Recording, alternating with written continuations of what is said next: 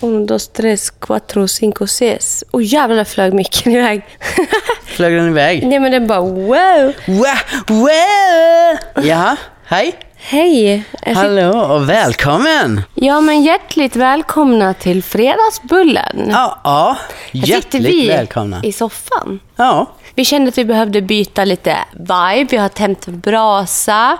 Och vi har haft litet mini-julbord idag. ja, alltså hur mysigt. Det var helt sjukt mysigt. Det är fan sjukt. Alltså, man känner typ varje gång efter julperioden att eh, man är så sjukt trött på det. Men varje ny gång man kommer till det här med julbord så känns det så jävla mysigt. Mm. När man väl sitter där och äter det. Ja, och jag tror också så här, det som vi pratar mycket om idag är att vi har ju fått så mysig känsla kring julen sen vi började umgås. Ja, verkligen. Och nu också så bara, vad fan, det är lite mysigt, ska vi inte börja nu? Ja. Vi hade lite sill och lite lax och vi hade lite Köttbullar ja, och lite prinskorv. Ja, och lite potäter Ja. och lite julskinka, vörtbröd, Rödbetssallad. tuttul.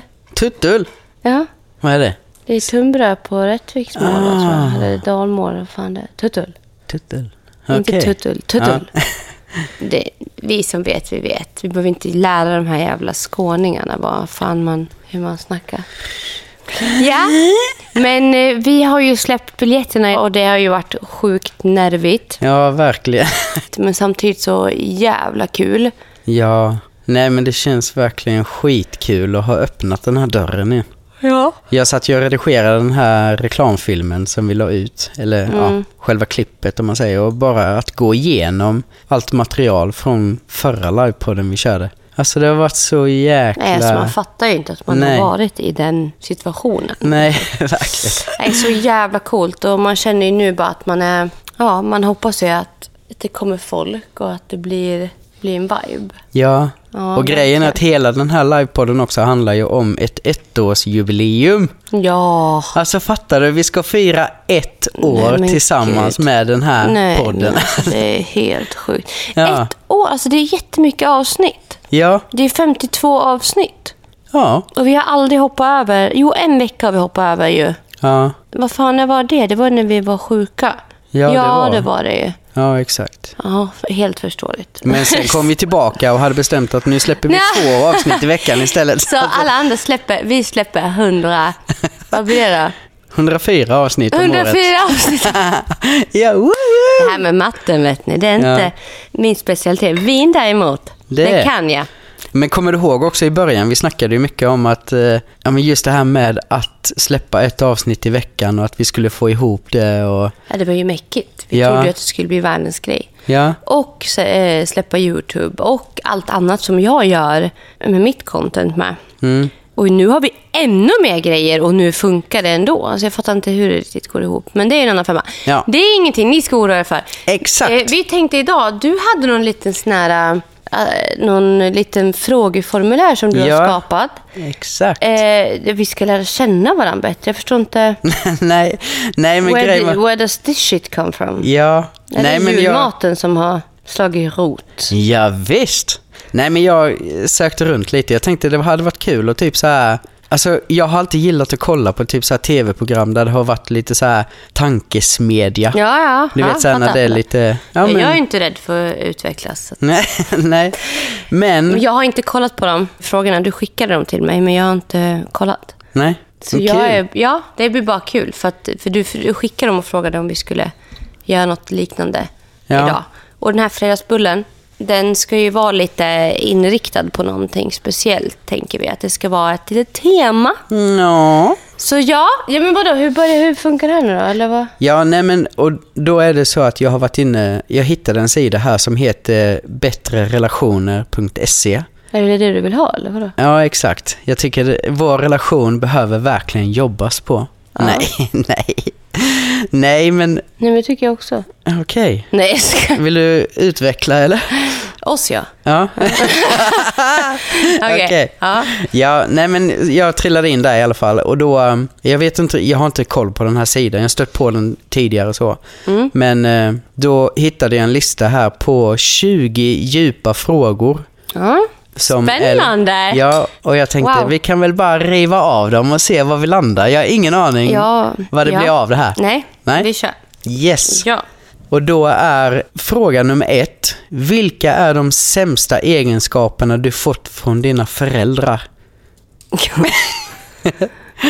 Åh herregud, va? Sämsta egenskaperna du har fått? kan man få egenskaper av en förälder? Ja men det är väl antagligen... eh, Alltså, Genetiskt då eller? Nej men uppväxt och liksom... Ja men vadå, det är ju ingen egenskap. Det är ett beteende man har fått då. Ja, ifrån ja. sina föräldrar. Det är ju ingen egenskap. Eller? Tycker du det? Nej, egenskaper är väl tänkt- typ någonting man identifierar sig med. Vad är mina bra egenskaper? Jo men jag älskar att ge.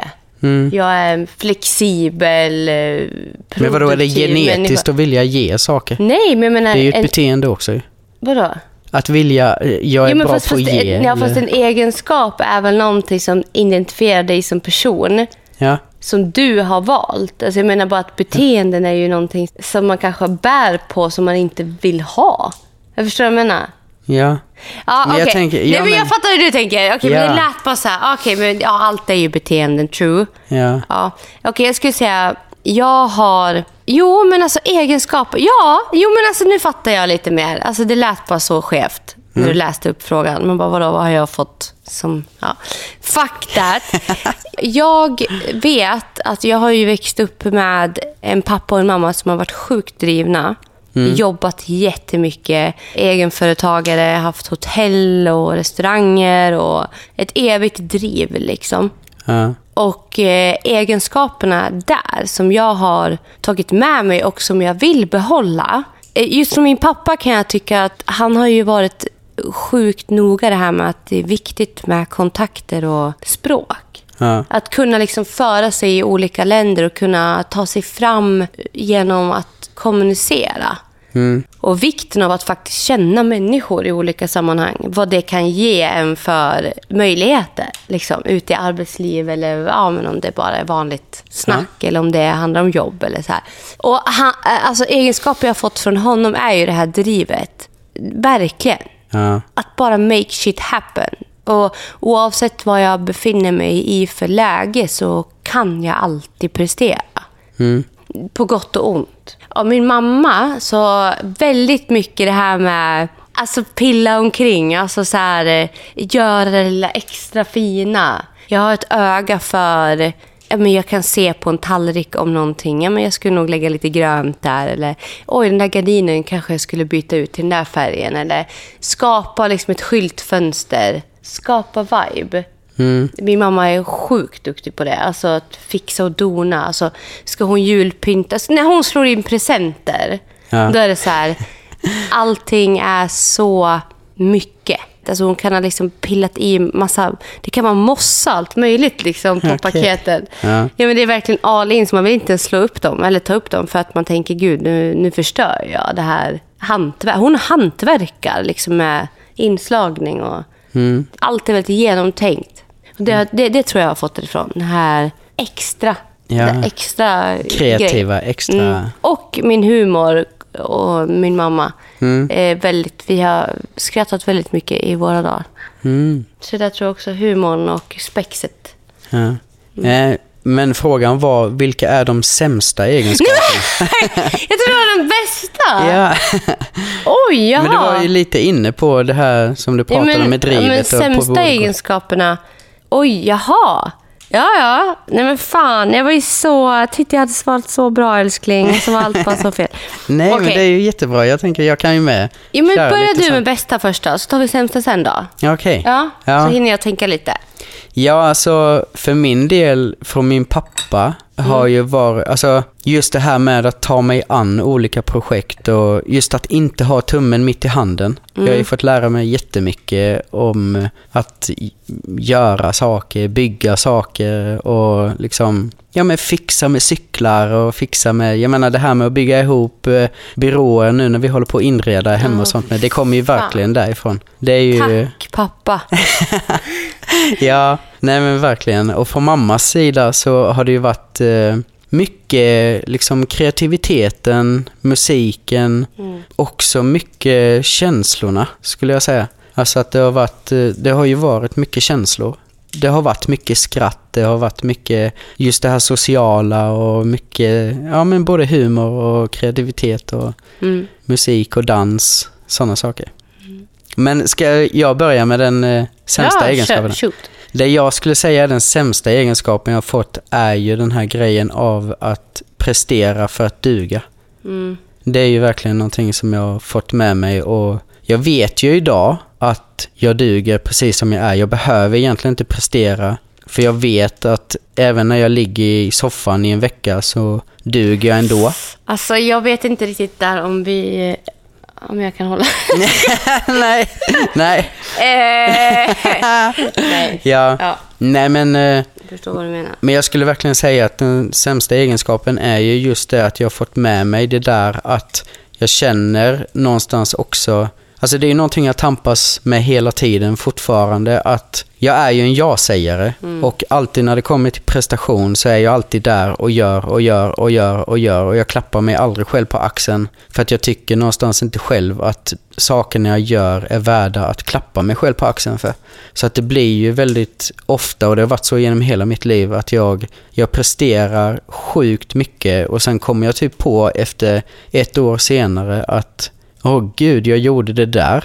Jäklar vad, ja men det blev ju bra liksom. Men jag, inte ens då klappar jag mig själv på axeln för att jag tycker inte det är något särskilt liksom. Mm. Och det kan jag någonstans känna, det leder ju väldigt mycket till att man bara pressar och pumpar på mer och mer. Mm. På ett sätt som egentligen inte är hälsosamt för en. Nej, men Så. exakt. Ja. Sen vet jag ju som sagt idag, efter sjukt mycket liksom, egen utveckling och sånt, jag vet idag att jag ändå duger precis som jag är, men jag har fortfarande de där grejerna i mig så att det kan låta mig flippa iväg och glömma bort mig själv än idag.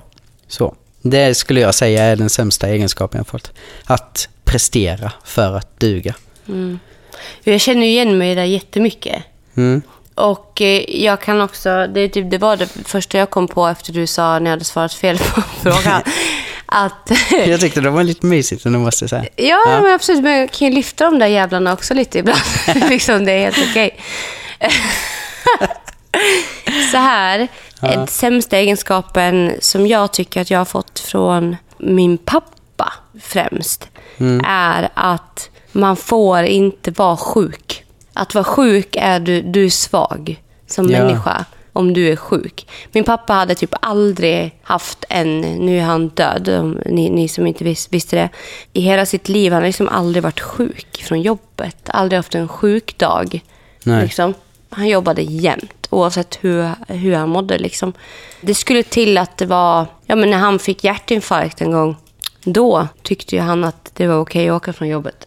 Mm. Det var ju hjärtat som sa ifrån att du jobbar för mycket, det räcker. Ja. Och det där har ju också, han har alltid sagt till mig att om jag har varit lite sjuk, då bara äh, arbeten, nu ska du gå och jobba du jävla latmask. Ja, men det- Alltså ja. den där viben. Och, och jag bara, men fan jag har ju feber. Äh, feber, det är jävla feber. Det finns ingen som heter den feber. Det var då snor. Har du snor i näsan och kan gå och jobba det för snor? Du kan väl ta papper där? Mm, ja. Torka bort en snor. Man bara, ja, det, jag mår inte bra. Jag borde inte pressa kroppen. Nej, du är latmask. Mm. Och det där har ju... Jag vet att min mamma också har mått dåligt över att det har varit så. Många gånger när hon har lidit av sina krämpor så har det också varit ett problem hemma. Mm. Och det här har man ju fått sett och man har förstått att eh, det är inte okej att, att, att, vara, att vara svag. Och jag tycker inte att det är att vara svag, att vara sjuk. Det är en Nej. åkomma man får och man tar itu med det. Man måste pausa. Men det har liksom aldrig varit okej att vara sjukanmäld från jobb eller skola eller någonting. För då har jag... Det har alltid varit något annat som jag har haft i görningen. Så det har ju jagat sönder mig eh, i vuxen ålder. Att jag inte duger om jag är sjuk. Jag kan inte vara sjuk. Ja, men också, för jag känner igen jättemycket. Eller det här med att vila, typ. Ja. Ja, men exakt. Alltså mentaliteten av Ja. att man hela tiden ska pusha. Mm. Lite till. Mm. Det går alltid lite till. Och det, Liksom. det är inte nog förrän det gör fruktansvärt ont i kroppen och den blöder typ. Alltså då är Nej, det men okej. exakt. Ja. Ja. Nej. Och sen skulle jag säga från min mamma så vet jag ju att jag har... Alltså det här med tålamodet. Mm. Det är väl också lite pappa och mamma. Båda, ingen av dem har ju bra tålamod. Eh, Det är väl lite det här, eh, ja, det här med att typ leka. Mm. Alltså att, att inte jag tycker det är kul att leka. Ingen av mina föräldrar tycker det är kul att leka, det är det värsta de vet. Ja. Jag tror sådana saker också, den här... Äh, är det pappa nu? I elden. Okej, pappa kanske tyckte om att leka. Jag vet inte. Jag ska inte tala för dig, gubben. Börjar flaxa där i brasan där inne som fan när vi börjar prata om det där. Men, ja, ja, men det här med tålamodet i alla fall. För det hade du fan inte, pappa. Det hade du inte. Alltså tålamod. Var inte han stimulerad under ett samtal? Jävlar vad det pangar och flyger Ja, vad är det som händer? Hade inte han, var inte han stimulerad eller var inte samtalsämnet i hans rätta zon, Mm. då börjar han liksom så här, Ja. bara, ja. kolla på klockan, pilla på saker. Det var liksom så här, ja men nu, nu vill han gå hem. Mm. Om det inte någon började prata typ med om fotboll eller något som är engagerande. Jag är inte så, men inte så jag menar, men tålamodet. Jag har ingen bra tålamod när det kommer till, viss, alltså till saker. Till stress och sånt. Jag kan ju ha tålamod med typ med Ville. Ja, ja. Ja, det har jag ju. Det tycker jag ju. Mm. Men just, jag vet inte. Jag tror, ja. Det hände så mycket här hemma Ja. nu. Jag blir helt, det var det pangar och flyger grejer. Ja. Ja. Ska vi ta nästa fråga? Ja, det tycker jag. Då är det, om du visste att du inom ett år skulle dö plötsligt, skulle du ändra något i ditt liv nu och varför? Ja, alltså jag direkt. Jag skulle bli mycket, mycket mer närvarande med min son. Mm, Alltså 100 procent. Mm, Alltså jag hade fortsatt att jobba för jag älskar det jättemycket. Men jag hade försökt att verkligen sätta fokus på att vara närvarande. Mycket, mycket mer. Och då menar jag att bara ligga och lukta på honom och bara vara med och se. Och, usch vad känslig jag blev. Men jag hatar att jag inte... Alltså, jag känner mig jättenärvarande mycket liksom. Ja. Men för sällan. Mm, Ja, men det här med bara komma från skolan, liksom, att man bara... Jag blir irriterad för att jag har mycket kvar. Jag hämtar honom ett och så... Egentligen har man kanske en arbetsdag till fyra och jag fortsätter ju fast han är hemma för jag vet att, om att han inte pallar vara på fritids. Och jag... Fan vad det mullrar. Och så blir det så att jag måste fortsätta jobba när han är hemma och så har jag inte tid att prata kanske. mm, Nej men ibland känns det som att jag uppfostrar mer än vad jag leker och är liksom... Jag är den där mamman bara som guidar typ. Och jag är inte med i hans lilla värld. typ. Jag tycker det är tråkigt. Ja, jag skulle vara jättemycket mer närvarande och jag kommer bli det oavsett om jag har en jävla dödsdiagnos så kommer jag börja bli det. mm. Skitjobbigt att känna så. Men jag tror, jag tror att det är vanligt som förälder att man hela tiden känner att man inte är närvarande fast man kanske är det också. Förstår du vad jag menar? Ja, absolut.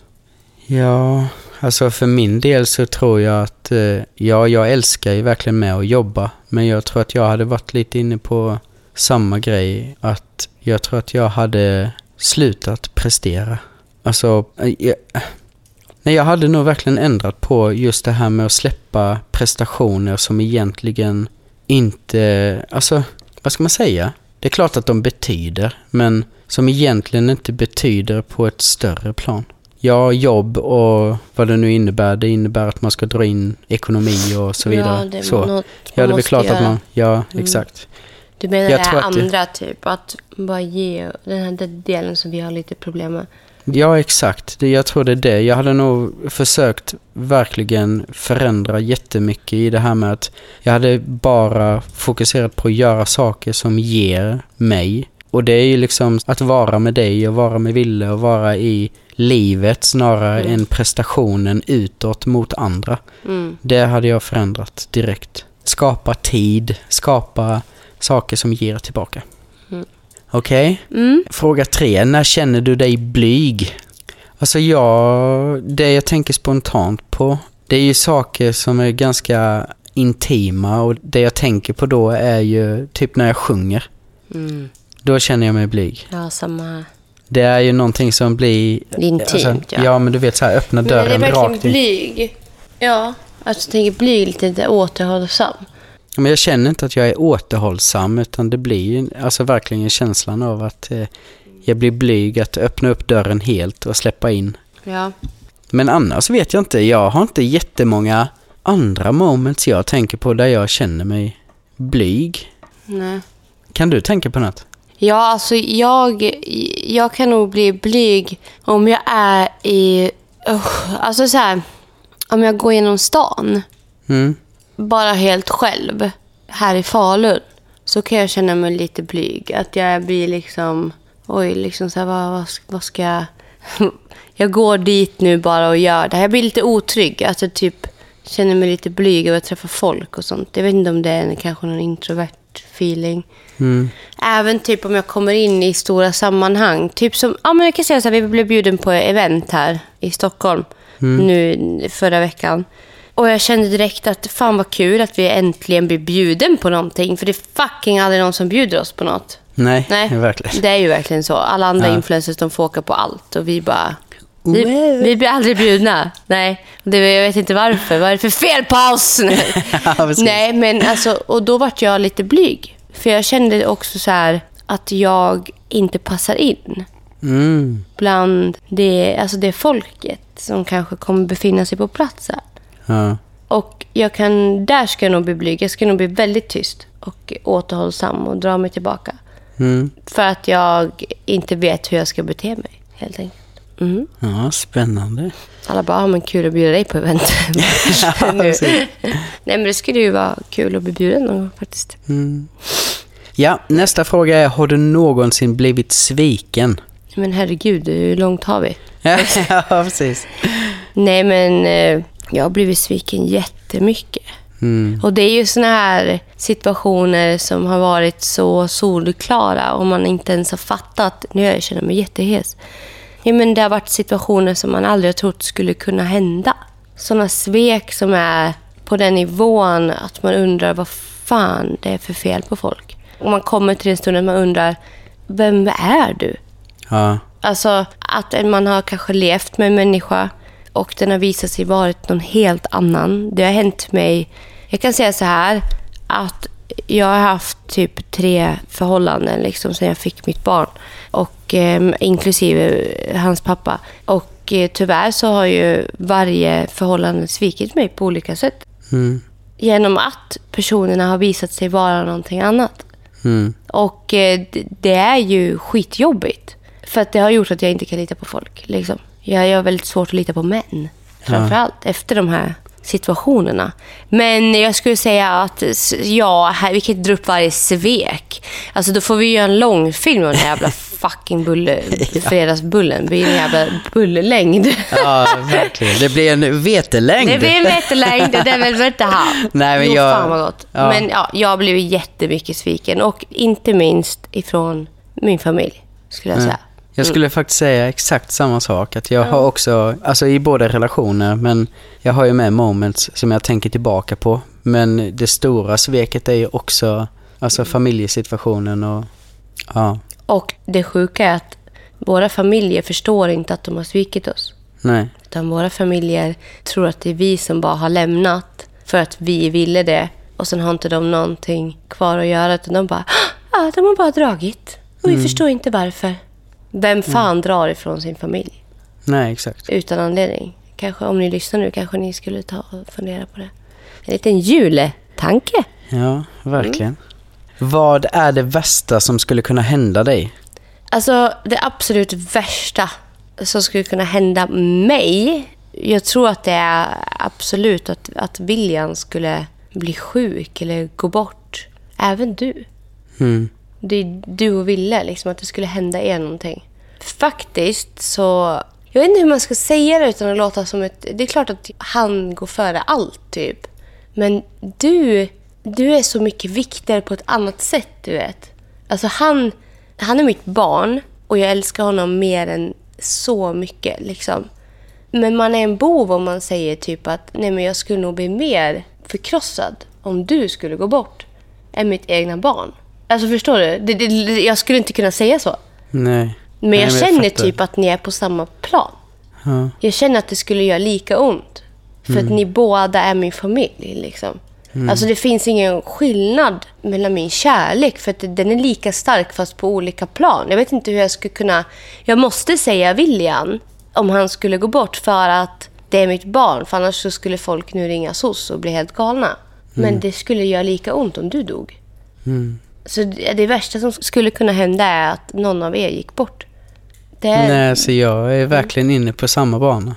Och det, det behöver inte bara vara dödsfall heller, utan jag tänker att det är likadant om du bara skulle vakna upp en dag och känna att du inte vill vara här. Ja. Fy fan. Och då skulle du ändå finnas i livet. Då skulle Ja. man ändå kunna liksom få någonting av dig. Men skulle ditt hjärta liksom börja flippa eller skulle det bli...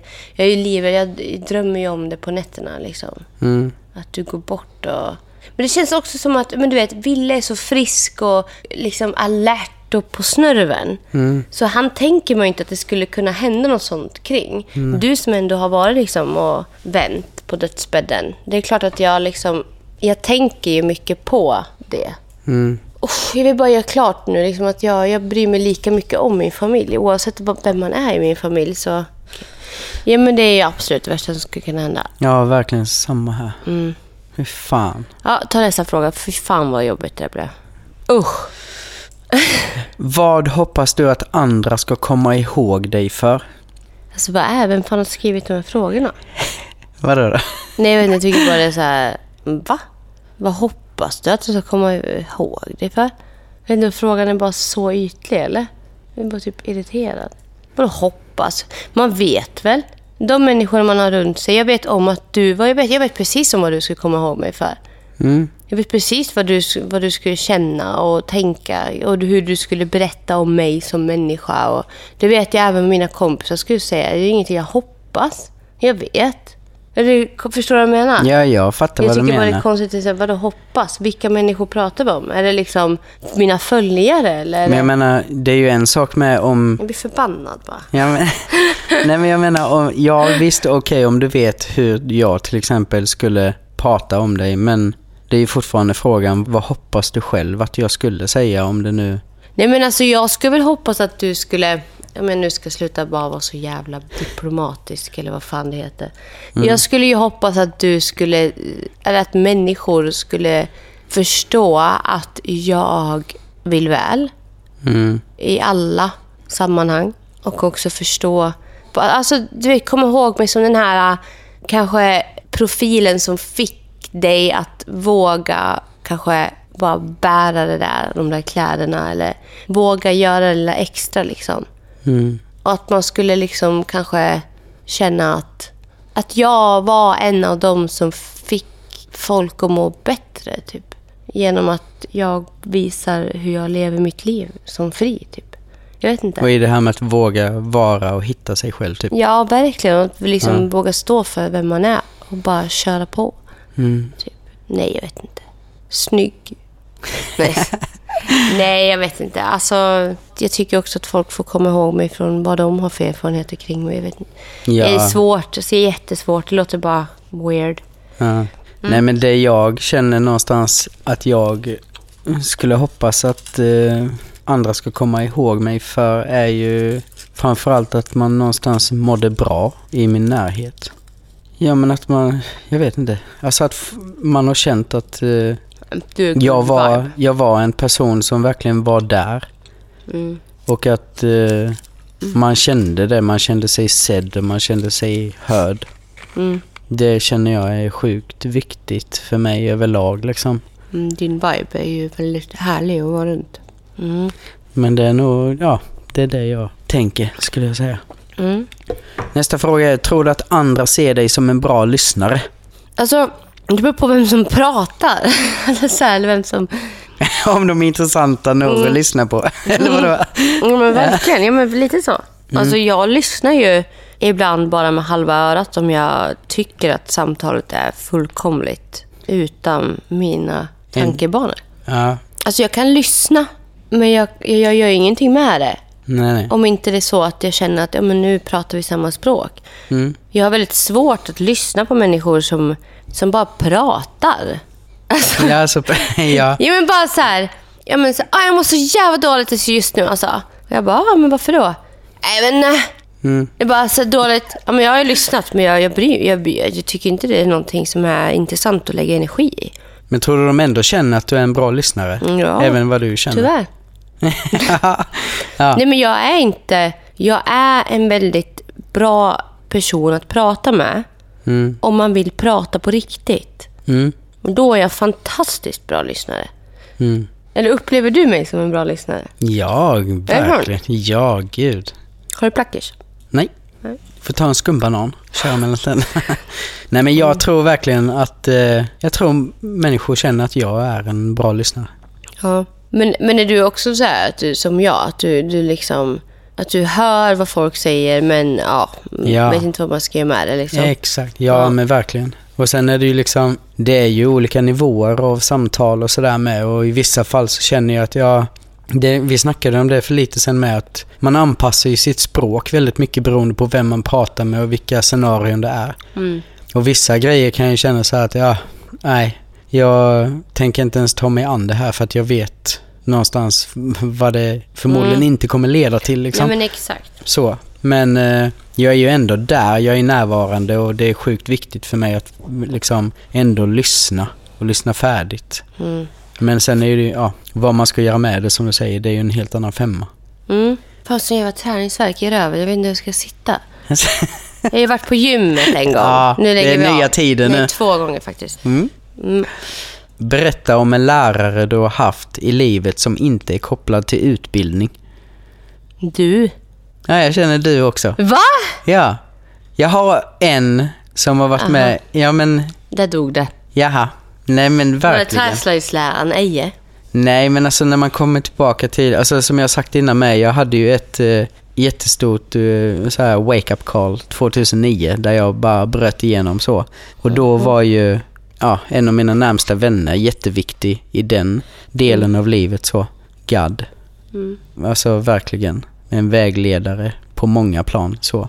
Men i mångt och mycket och i jättestort så är det ju verkligen du. Fan vad sjukt. Och du är ju så här master of life. Så jag känner typ att jag har lärt dig saker. Det är ju helt fantastiskt. Det är ju asballt. Det där, det, nu känner jag att jag har gjort mitt här på jorden faktiskt. Nej, men det är verkligen du också. Alltså, jag har ju verkligen... Det har hänt så mycket med mig på bara ett år sen vi lärde känna varandra. Mm. Och att bara få känna mig älskad på riktigt för den jag är har gjort så mycket med mig som människa. Det är verkligen allt. Jätte, jätte, jättefint. Nej, du är min master. My life Ja, guru. mine. Alltså, är det någonting jag kan fråga dig om allt? Alltså du säger, ah, men vad tycker du om mitt stjärthår? Du bara, ah, men jag ska kolla lite. Jag ska se. Ah, men jo, jag tycker det. Nej, men som allt. Det kan vara allt från det till vad, vad ska jag göra med det här? Eller vad tycker du här? Eller bara, jag pratar och du, du förstår. Men du vet, bara allt. Men det Jag jag lär mig älskar... så mycket. Vad är det stjärthåret? Jag vet inte var det kommer ifrån. Men, Ja, men det är fullt rimligt. Mm. Men jag måste också säga att alltså, jag älskar mig även om du frågar så lägger du inte över allting på mig heller. Nej, fan. Fan, det är det jag älskar. Du frågar om en opinion och så har vi ett samtal och det är så jävla mysigt. Det är inte så bara, hjälp jag- mig, vad ska jag göra? Okej, då Nej, gör jag det. Som Nej, du säger. Exakt. bara så, ah, men ska jag? Okej, du tycker så. Ah, men, ja, men jag är lite där. Och Ja, liksom vi pratar, ja men som du säger, bollar verkligen och pratar. mm, Mm. Jävla mysigt. Ja! Ja. Nästa fråga tack. Det blir så sentimentalt. Jag är så trött, men ändå så pigg. Jag ska kolla på julfilm sen. Ja, och då är nästa fråga. Vad har du svårast för att acceptera hos dig själv? Alltså jag har ingenting. Nej. Nej. Det svåraste för mig att acceptera det är att min tid tickar så fort. Mm. Och att jag inte vet om jag är frisk. Jag kanske har cancer i kroppen utan att veta om det. Jag tycker det är det svårast att acceptera att något större bestämmer över när det tar slut. Och jag tycker det är fruktansvärt jobbigt ibland att... Jag, kan, jag, jag är väldigt tacksam över att jag är frisk, men hur länge? Mm. Det är liksom, jag är väldigt uppkopplad hela tiden på min kropp och bara shit, nu mår jag dåligt och nu, nu är det någonting. Och jag är väldigt, väldigt rädd hela tiden för att dö. Liksom. Mm. Så. Så jag skulle nog säga att det är, det är svårt att acceptera det hos mig själv. Ja. Om det nu är hos mig själv, det är väl så för alla, men Alltså jag vet verkligen inte. nej. Jag skojade innan men jag var fan jag vet inte vad... Mr Perfect. Nej, nej verkligen inte. Sen har Men- jag en till sak. Ja? Jag har svårt att acceptera tanken av att jag inte kommer träffa min mamma igen. Mm. Väldigt svårt att acceptera. Fast jag vet om att det är va- varför och hur. så har jag väldigt svårt att acceptera det. Mm. Så jag är väldigt där och nallar lite, väldigt ofta nallar på den tanken liksom. Mm. Mm. Ja, nej, jag får nog säga pass på den. Jag vet faktiskt inte. Jag känner att jag har ingen impuls överhuvudtaget i kroppen som säger att det är någonting som skaver. Jag är där jag är och jag befinner mig där jag befinner mig och jag har tagit mig hit och jag förstår varför. Liksom. Mm. Okej, nästa fråga är. Om en kristallkula kunde spå sanningen om dig själv, ditt liv, din framtid eller något annat, vad skulle du vilja veta? Alltså det enda jag skulle vilja veta nu det är om jag kommer få barn eller inte. Va? Ja. Jag med! Va? Ja, det var det första. Ja. det första som dyker upp. Alltså, sen Och när? Typ. Ja men typ så att någon skulle bara säga men du kommer få ett barn inom ett år. Ja. Eller två år. Eller du kommer in få, få ett barn inom fem år. Bara att jag kommer få ett barn. Ja. Det är verkligen så allt. Mm. Jag vill, sen vill jag inte veta om någon blir sjuk eller om någon kommer dö tidigt eller whatsoever. Jag vill bara veta vad jag kommer att... att Nej, jag tänkte, men jag fick någon släng av... Alltså jag blir egentligen inte chockad över att du tänker det, utan jag Nej. menade bara att vi båda tänker det Ja, samtidigt. ja. Alltså så att det blir Ja. så, så spontant. Men jag hade någon släng också om, skulle man vilja veta när man dör? Nej. Nej. Nej, fy fan. Nej, jag tror Tänk om du det. visste om nu. Du Mm. kommer dö när du är 76. Ja. Och så ska du nu gå och räkna ner åren. Ja. Och börja planera efter det. För fan vad hemskt. Nej, nej, nej, nej, nej, nej, nej, det vill jag inte veta. Hellre då att det bara tuppar av imorgon och inte vet om det. Eller att det blir 160 liksom. Ja. Ja. Ja, sjukt. Nej, jag älskar att leva. Jag vill bara säga det. Om ni som bestämmer när man dör, om ni lyssnar på det här. Vi har ju väldigt, alltså, väldigt stort spann på följare. Mm. Så jag vet inte om någon som bestämmer över döden lyssnar nu. Men då skulle jag vilja säga i sådana fall att jag älskar att leva och jag kommer bara göra bra saker på den här jorden så att det är väldigt bra om ni behåller mig här. Tack. Ja, jag håller med. Mm. Speak to the nation. Ja, ja men verkligen. Ja, Jaha, och då är nästa fråga. Vad hoppas du mest på? Jag Ja, skulle säga, bebis. ja. Ja, men verkligen. Det är ju det man går runt och är helt Jag uppkopplad på hoppas jättemycket på att bli gravid. Mm. Sen hoppas jag så jävla mycket på att... Ja, men jag har också en så här med Ville. Mm. Att han bara ska följa sitt hjärta och göra exakt det han vill med sitt liv och inte bli påverkad av andra. Alltså det är typ en jättestor grej som jag hoppas. Mm. Att han, så det är klart att, att han kommer bli påverkad, men jag hoppas på att han känner att han... Jag hoppas så jävla mycket att han blir så säker i sig själv att han förstår vad som är hans tankar och vilja och andras tankar och vilja och kan gå fram i livet med de två grejerna. Liksom. Mm. Mm. Och sen vill jag bli gravid. Mm, Fan, fint. Mm. Och nästa är, hur bra är du på att ta emot kritik? Alltså jag har blivit jättemycket bättre på det. Ja men verkligen. Alltså jag har en sån sjukt stor förståelse för saker. Mm. Och speciellt om man pratar med mig på ett sätt som är också utvecklande. Att du ger mig kritik för att du vill prata och berätta och du vill forma framtiden annorlunda för en bättre sak. Mm. Så tycker jag att kritik är jättebra. Mm. Jag kan tycka att det är jobbigt för att jag känner mig dålig ibland. Mm. Men jag lyssnar jättebra idag. Förut tog jag det väldigt hårt för att jag har varit, där jag kommit ifrån så har det alltid varit fel på allt jag gjort. Och jag har haft, det har gått väldigt långt mellan gångerna när jag har fått höra att jag faktiskt gör någonting bra. Så att man har blivit less på att höra att man gör dåliga saker. Mm. Men idag vet jag ju om att när jag väl får kritik, till exempel från dig, eller kritik, när du tar upp tankar som kanske inte har matchat det jag har tänkt eller jag har gjort någonting som har fått dig att känna annorlunda, då blir jag mer tacksam än vad jag blir eh, till att må dåligt. Ja, nej men verkligen. Nej, så känner jag också. Jag, alltså, jag har ju alltid uppskattat när andra säger Alltså jag har haft flera olika så här, både vänskapsrelationer och så här, där jag verkligen har fått be, snälla berätta någonting som du känner som är dåligt för att jag vill verkligen höra det. För då har man också en chans att göra någonting åt det. Ja, men exakt. Så att eh, det är ju någonting som är sjukt viktigt. Men sen, jag tänker på det du sa med, för mig är det med jätteviktigt att jag kan ju få känslor också av att jag är sjukt dålig också, men beroende på hur man säger sakerna. Om det blir att någon säger det som en attack mot mig, då kan jag bli... Ja, men just, ja men exakt, pajkastning, då blir det skitjobbigt. Och då kan jag ju liksom hamna i något, alltså inte försvarsläge, men det blir ändå en överlevnadsmekanism som Mm. kickar in typ. Att jag säger, jag hör vad personen säger, jag förstår, men jag vill ändå någonstans försöka lägga ett pussel ihop och då kan jag bli ganska hård liksom. Mm, ja. Men det är ju väldigt mycket beroende på hur man säger saker. Mm. Men rent överlag när det kommer till kritik så uppskattar jag det jättemycket. Mm. För att jag vill höra det så att jag också kan göra något åt det. Jag Och- fick, jag får säga jag fick ett meddelande idag.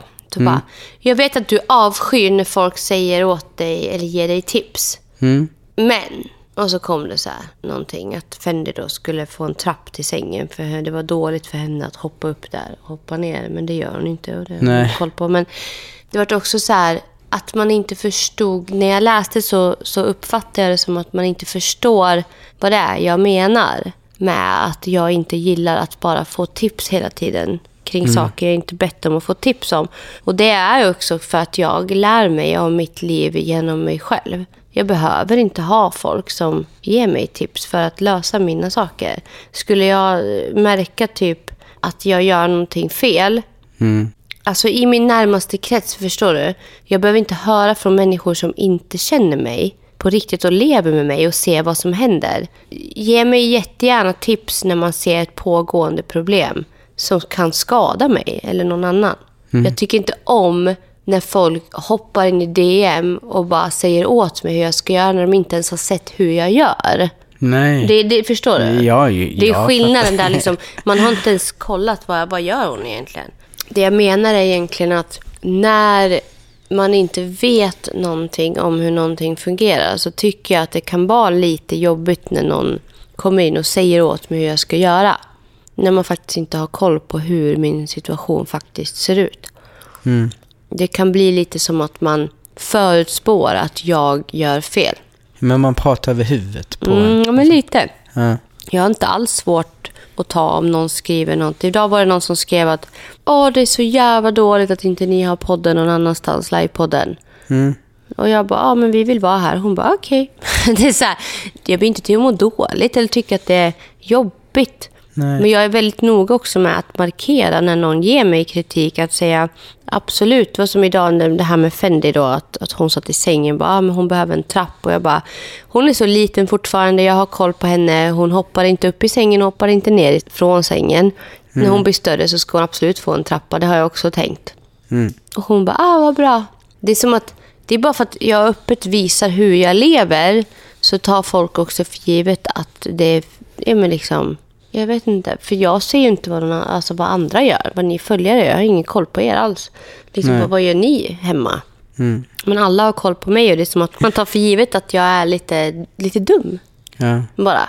Och jag kan tycka att det kan bli lite jobbigt. Fråga mig istället. Ni kan jättegärna fråga bara, du, hoppar Fendi upp och ner från sängen? Då hade jag Ja. kunnat sagt nej. Då hade jag kunnat sagt, nej okej. Jag ville bara, jag ville bara vara intresserad. Okej. Istället för att bara förutspå att hon hoppar upp och ner och får artros i både tass och underliv. Mm. Och jag skiter i det. Det är det som är störande bara. Ja, och jag har ju tänkt mycket på det där med, som du säger, med känslan av att någon tror att man är dummare än vad man är. Mm, men det är lite, Alltså- lite tråkigt. Ja, det är en... Att man inte ger dem chansen liksom, att faktiskt få säga. Typ. Mm, ja. Mm. ja. Nästa fråga är, vad tror du är ditt viktigaste syfte i livet? Oh, alltså där gick det jättefort i min tankebana. Det, mitt största syfte här i livet är att sprida some kind of knowledge. Mm, Någon vägledning och något slags hjälpande i att ja, men liksom öppna upp sig själv och börja sålla bort vad som är vi och vad som är de andra. mm, Vad är jag och vad är andra? Vad är andras vilja och vad är min vilja?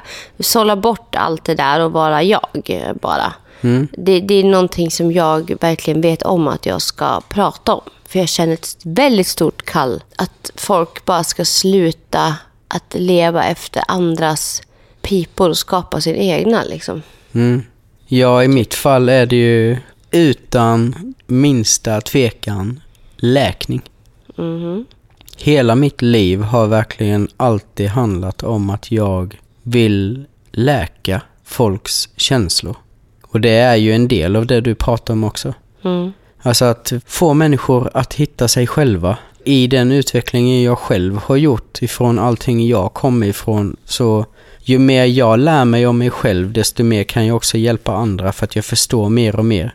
Mm. Och jag har ju alltid sagt det med att alltså, man kan inte förstå sin motpart förrän man på riktigt förstår sig själv. Nej. Och ju mer man någonstans har hittat sig själv och verkligen förstått sina egna, liksom varför jag själv har blivit som jag har blivit och på olika sätt och hela tiden vara sökande i det och vara intresserad av den där självutvecklingen och förstå helheten så har jag verkligen lärt mig sjukt mycket om andra med. Och samtidigt så har jag varit sjukt uppkopplad på det också ända sedan jag var barn.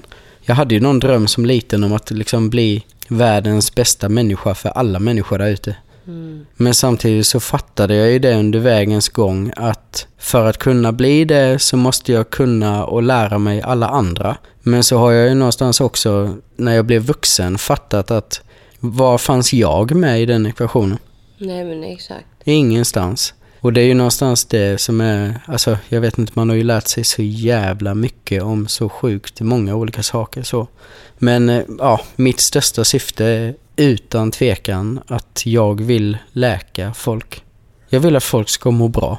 Men du tycker inte, På riktigt. tycker du inte också ibland att det känns så här, när folk mår dåligt, att du kan få en känslan av att men det där är ditt ansvar?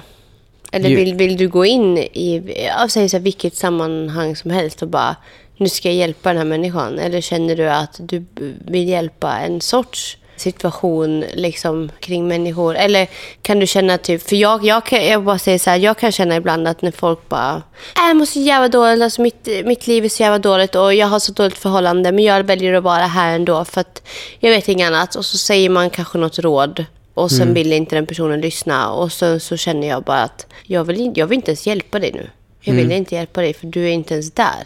Alltså typ att du kan känna Ja, jag alltså, fattar vad du den här läkningen, liksom, vem ger du den till?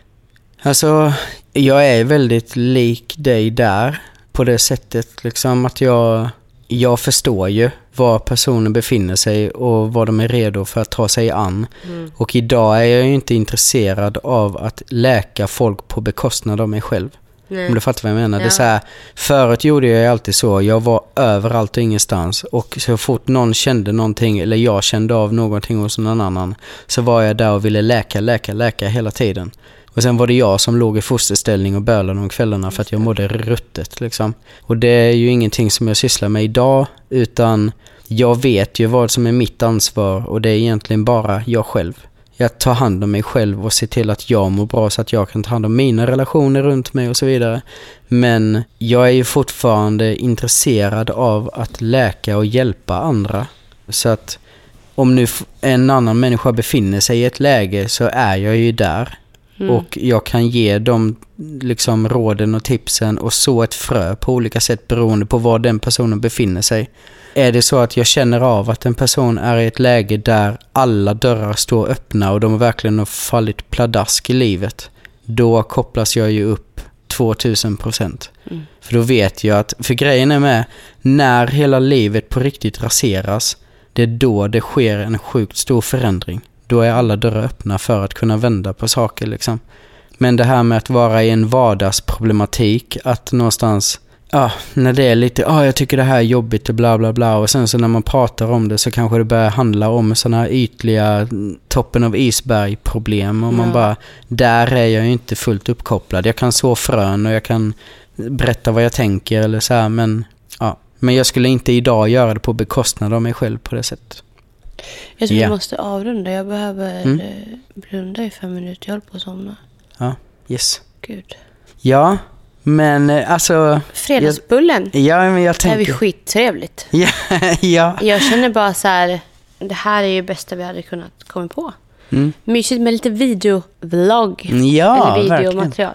Ni får jättegärna skriva vad ni tycker. Om det känns som ett roligt koncept eller om vi bara ska släppa avsnitt eller om den här videon kanske är blaha blaha. För det gör vi ju för, för er skull. För att vi tycker det är kul att ge. Och det är många som har skrivit att ni vill se oss mer. Så eh, tycker ni att det känns nice så fortsätter vi. Tycker det känns bajs så kan vi bara släppa avsnitt på Bullfika. Så skriv jättegärna i kommentarerna vad ni tycker och sen så... Jag kom jättegärna och skriv kommentarer med vad ni skulle vilja i så fall eventuellt att vi pratar om. Det hade varit skitkul, tycker jag. Och så bara river vi out. Ja, Ja, det gör vi. så blir det. Och glöm nu inte att köpa biljetter till Bullfika live. Ja. Det är ju den mest perfekta julklappen ni kan ge. Speciellt till din partner skulle jag säga. Om du har en. Mm, Eller till dig själv. Verkligen. För att både utvecklas ensam och med sin partner. Och bara få åka iväg och göra någonting helt ofiltrerat. Och utvecklas med oss. Ja, Ja, det, det gör man. Bara det Varken är en fin inte. sak i sig, va? Ja. Ja. ja, ska du gosa ner det nu? Alltså det är det som är så mysigt med dig. För att du är så mjuk överallt. Och så kan man liksom burra in sig så här. Vart man än lägger sig så vet man att man har garanterat en vippplats liksom. På något mjukt. Ja. Och jag ska ligga här nu medan du skickar det här materialet. Och så ska jag ligga här lite. Åh. Men hörni, Ja. vi hörs snart igen. Ja, puss puss. Ja, puss Love you. puss.